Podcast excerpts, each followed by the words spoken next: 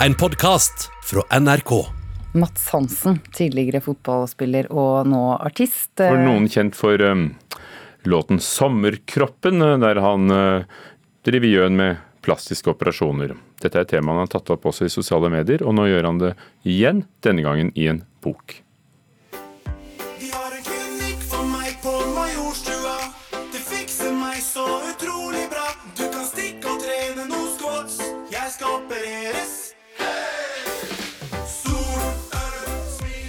Nå kommer Mats Hansen ut med en bok hvor samme tema tas opp.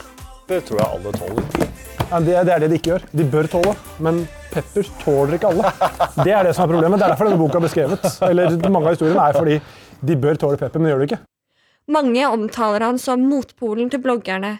En som mener det som skrives om kropp og helse på flere blogger er skremmende. Jeg håper de kommer til å lese boka. Jeg, grunnen til at jeg skriver om det, er fordi jeg syns mange av de er dårlige forbilder. Var, og noen fortsatt er.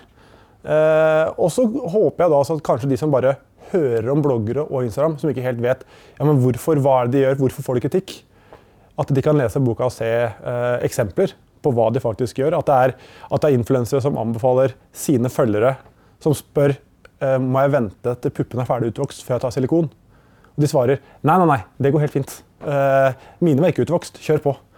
Altså, det er dårlige forbilder, mange av de. Eh, og jeg tror jo nå, jeg som er på Instagram, jeg tar det fint at alle vet det, men jeg vet det er veldig mange som F.eks. For foreldregenerasjonen. da. Hva er det barna, uh, influenserne de følger? Hva er det de legger ut? Så jeg tror kanskje mange kan få en liten overraskelse og se hva som faktisk foregår blant bloggerne. NRK har forsøkt å få en kommentar fra flere av bloggerne som er nevnt i boken, uten å lykkes. Flere vil ikke kommentere. I boken vil han vise sin side. Den er en forklaring på hvorfor han har opptrådt som han har gjort på Instagram. Sedvanlig korte reisen fra middelmådig, tonedøv fotballspiller via bloggerkrig og meningsløse veddemål til popstjerne og altfor mange følgere på Instagram. Ja, og det, Det er bra undertittel, da. og det er det boken handler om. ja, det, det, det er det faktisk. Erling Kagge har troa på den nye boken til Mats Hansen. En bok han håper blir godt lest av Hansens over en halv million følgere på Instagram. Og kanskje spesielt fordi han for første gang også letter på sløret når det gjelder privatlivet. Eh, Det er, det er ting jeg skriver i boka som eh, jeg skrev, og som selv mine aller, aller nærmeste ikke visste om. Da faren min eh, døde i fjor sommer. Og det siste halvåret hvor han ble dårligere og dårligere. Jeg hadde en samboer som var gravid. Magen hennes ble større og større.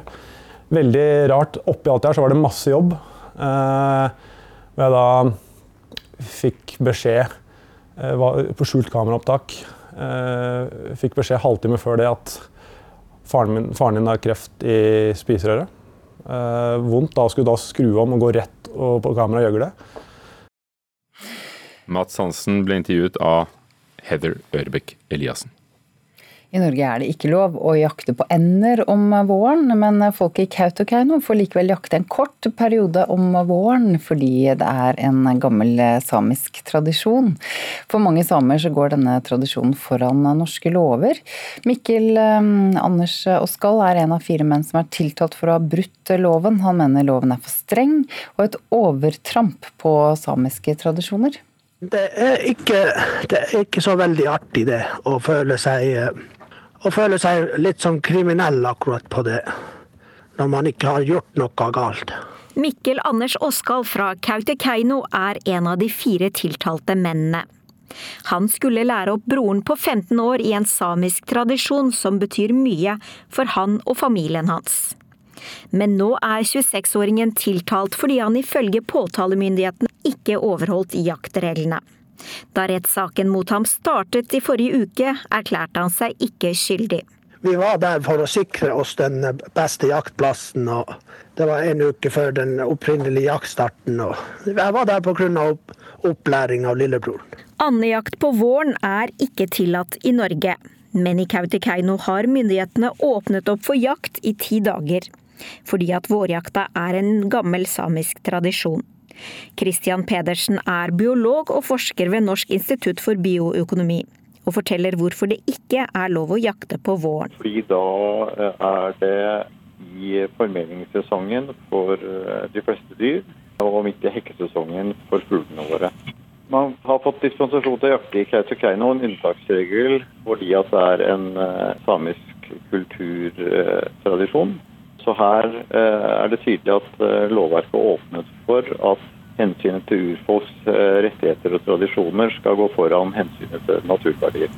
Johan Ingvald Hetta er leder i Samisk fangst- og utmarksforening. Han mener ordningen slik den er i dag, ikke tar vare på den samiske tradisjonen. Den er gjort så begrensa at det ikke oppfyller på en måte det vilkåret om at det skal opprettholde samisk kultur på det området. Så den, har, den er meningsløs i seg selv slik den er. Og for det andre det at det skaper en situasjon hvor folk blir lovbrytere. Hetta går så langt som å kalle jaktreglene for statlig mobbing. Det er mobbing i forhold til den tradisjonen som, som er. I løpet av to år så skal Klima- og miljødepartementet avgjøre om dagens ordning skal videreføres. Reporter var Menever Gildis. Simon Piera Paulsen, redaksjonssjef i NRK Sápmi, god morgen. God morgen. Hvor viktig vil du si at uh, denne tradisjonen med andjakt om våren er? Den er jo åpenbart veldig viktig for uh, samene lokalt. Uh, det handler om å få bevare sin kultur, sine tradisjoner, som man gjerne har hatt i flere hundre år. De fire mennene som er tiltalt nå, hva er de tiltalt for?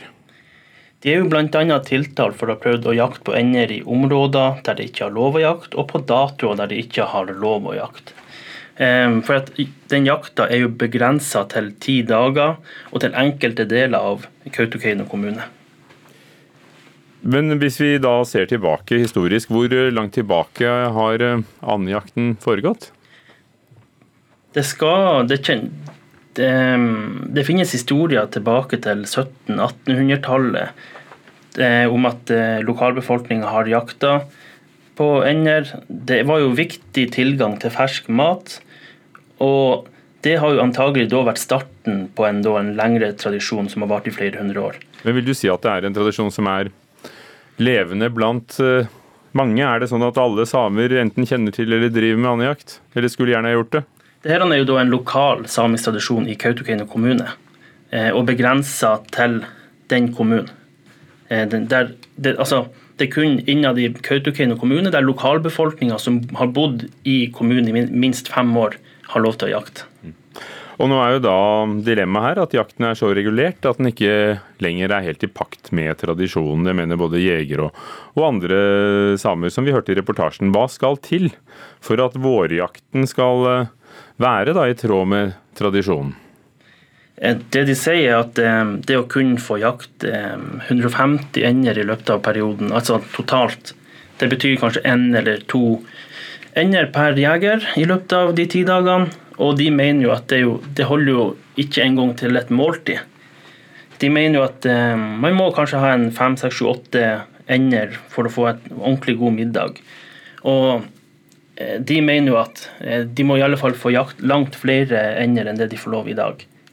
Er dette et godt eksempel på der moderne samfunnsliv kommer i konflikt med gamle tradisjoner? Ja, åpenbart. Du har jo eh, På den ene sida så har du jo hensynet til fuglene. Eh, om at man ikke skal jakte fugler midt i hekkesesongen. For det gjør vi jo ikke på andre fugler i Norge. Og så har du jo på den andre sida så har du jo eh, de som har hatt det som en tradisjon.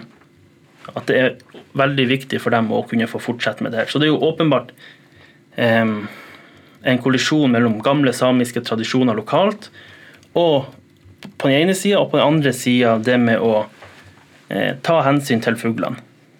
Takk skal du ha. Simon eh, Piera Paulsen, redaksjonssjef NRK Sápmi. Endelig kunne Festspillutstillingen åpne, Synes i hvert fall. Det er sikkert mange som har gledet seg til det. Pga. pandemien ble den utsatt fra mai til nå. Og årets utstilling er en kunsthistorisk milepæl, sier du Mona Palle Bjerke, kunstkritiker her i NRK. Hvordan begrunner du det? Jo, fordi at når Bergen kunsthall nå presenterer Joar Nango som årets festspillutstiller, så er det altså første gang i historien at dette prestisjetunge oppdraget er gitt til en kunstner med samisk eh, opprinnelse. Og det er svært viktig, og det var på høy tid. Eh, Joar Nango er født i 1979. Han kommer fra Alta og er arkitekt og kunstner, utdannet arkitekt fra NTNU. Hva slags utstilling har eh, Joar Nango laget i Bergen kunsthall? Han har laget en veldig spesiell utstilling. Han har gjort utstillingsrommet til en arena for uavsluttede sosiale prosesser. Festspillutstillingen, som vanligvis er et litt sånn Eh, selvgratulerende one man show. Eh, det er jo liksom det mest ærefulle man kan få her på hjemmebane. Eh, det er da blitt nå en mer sånn dynamisk, kollektivt skapende verksted, der håndverkere, kunstnere, forskere og kunsthistorikere virker sammen. Som f.eks. den rumenske kobbersmeden Lajos Gabor, som Nango møtte på sin reise gjennom Europa i 2017 på vei nedover mot Documenta i eh, Aten til da den bergenskbaserte båtbyggeren Mike Ribort. Så det er veldig mye forskjellige folk som har vært med å skape denne utstillingen. Og her eh, formes steder, rom, situasjoner med utgangspunkt i f.eks. samisk byggeskikk. Og improvisasjon spiller en veldig viktig rolle. Evnen til å løse problemet på stedet. Det er det Nango kaller den samiske improvisasjonskompetansen. Han leker med lavvoarkitekturen? Ja, det gjør han. I hovedsalen så ledes vi gjennom da en eh, bred midtgang inne i på en måte lavvo interiøret. Eh, og her har han da skapt sånne innetelt som danner små private rom inni den større strukturen. Og på hver side av midtgangen så har det da store myke felt der man kan ligge eller sitte på reinskinn som er oppå bjørkeris. At dette bjørkeriset det er jo både isolerende, men også velduftende. Og lukt spiller i det hele tatt en veldig eh, tydelig rolle i denne utstillingen. Her støter da duften av treverk og bjørkeris sammen med den ramme stanken av fett og dyrehuder og brusk. Ja, så har han brukt kveitemagesekker til å lage skulpturer. Ja, det har han. I enden av lavvogangen så troner en slags sånn gjennomskinnelig monolitt eh, som ser ut som en skinnende krystall eller som et opplyst akvarium.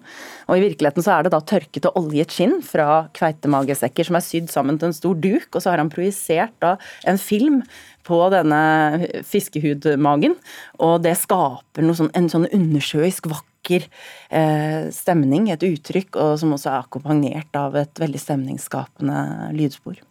Som en del av utstillingen så har han også laget et slags bibliotek. Hva er det man kan lese om eh, i det biblioteket? Ja, Det er samisk arkitektur og byggeskikk. Han har jo i mange år samlet eh, bøker og tekster om dette temaet, og innså på et tidspunkt at kanskje han da besitter den største samlingen av denne, dette, denne diskursen, kan vi kalle det, denne samlingen av denne kunnskapssamlingen, og dette er det som vises, denne levende fysiske diskursen er det som vises i utstillingen. Eh, dette unike biblioteket. Og dette har en vist da innenfor rammene av et lite hus, altså det er et lite hus på Meier, selve bildet på det nomadiske. Eh, en gammel jegerhytte, da. Eh, og den er da i løpet av utstillingens monteringsperiode, så er det da den samiske kunstneren Anders Sunna som skaper et takmaleri, en Sápmi-versjon av Michelangelos freske i Det sixtinske kapell, sier Nango selv. Så hva syns du om dette? Dette synes jeg var en helt spektakulær opplevelse.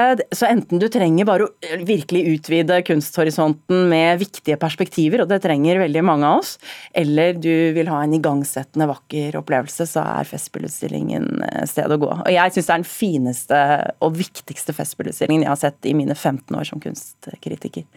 Ikke verst. Og anmeldelsen av eh, Festspillutstillingen den kan du lese i sin helhet på nrk.no, der du også kan se flere bilder fra utstillingen. Takk, eh, Mona Palle Bjerke, kunstkritiker her i NRK. Du har hørt en podkast fra NRK. Hør flere podkaster og din favorittkanal i appen NRK Radio.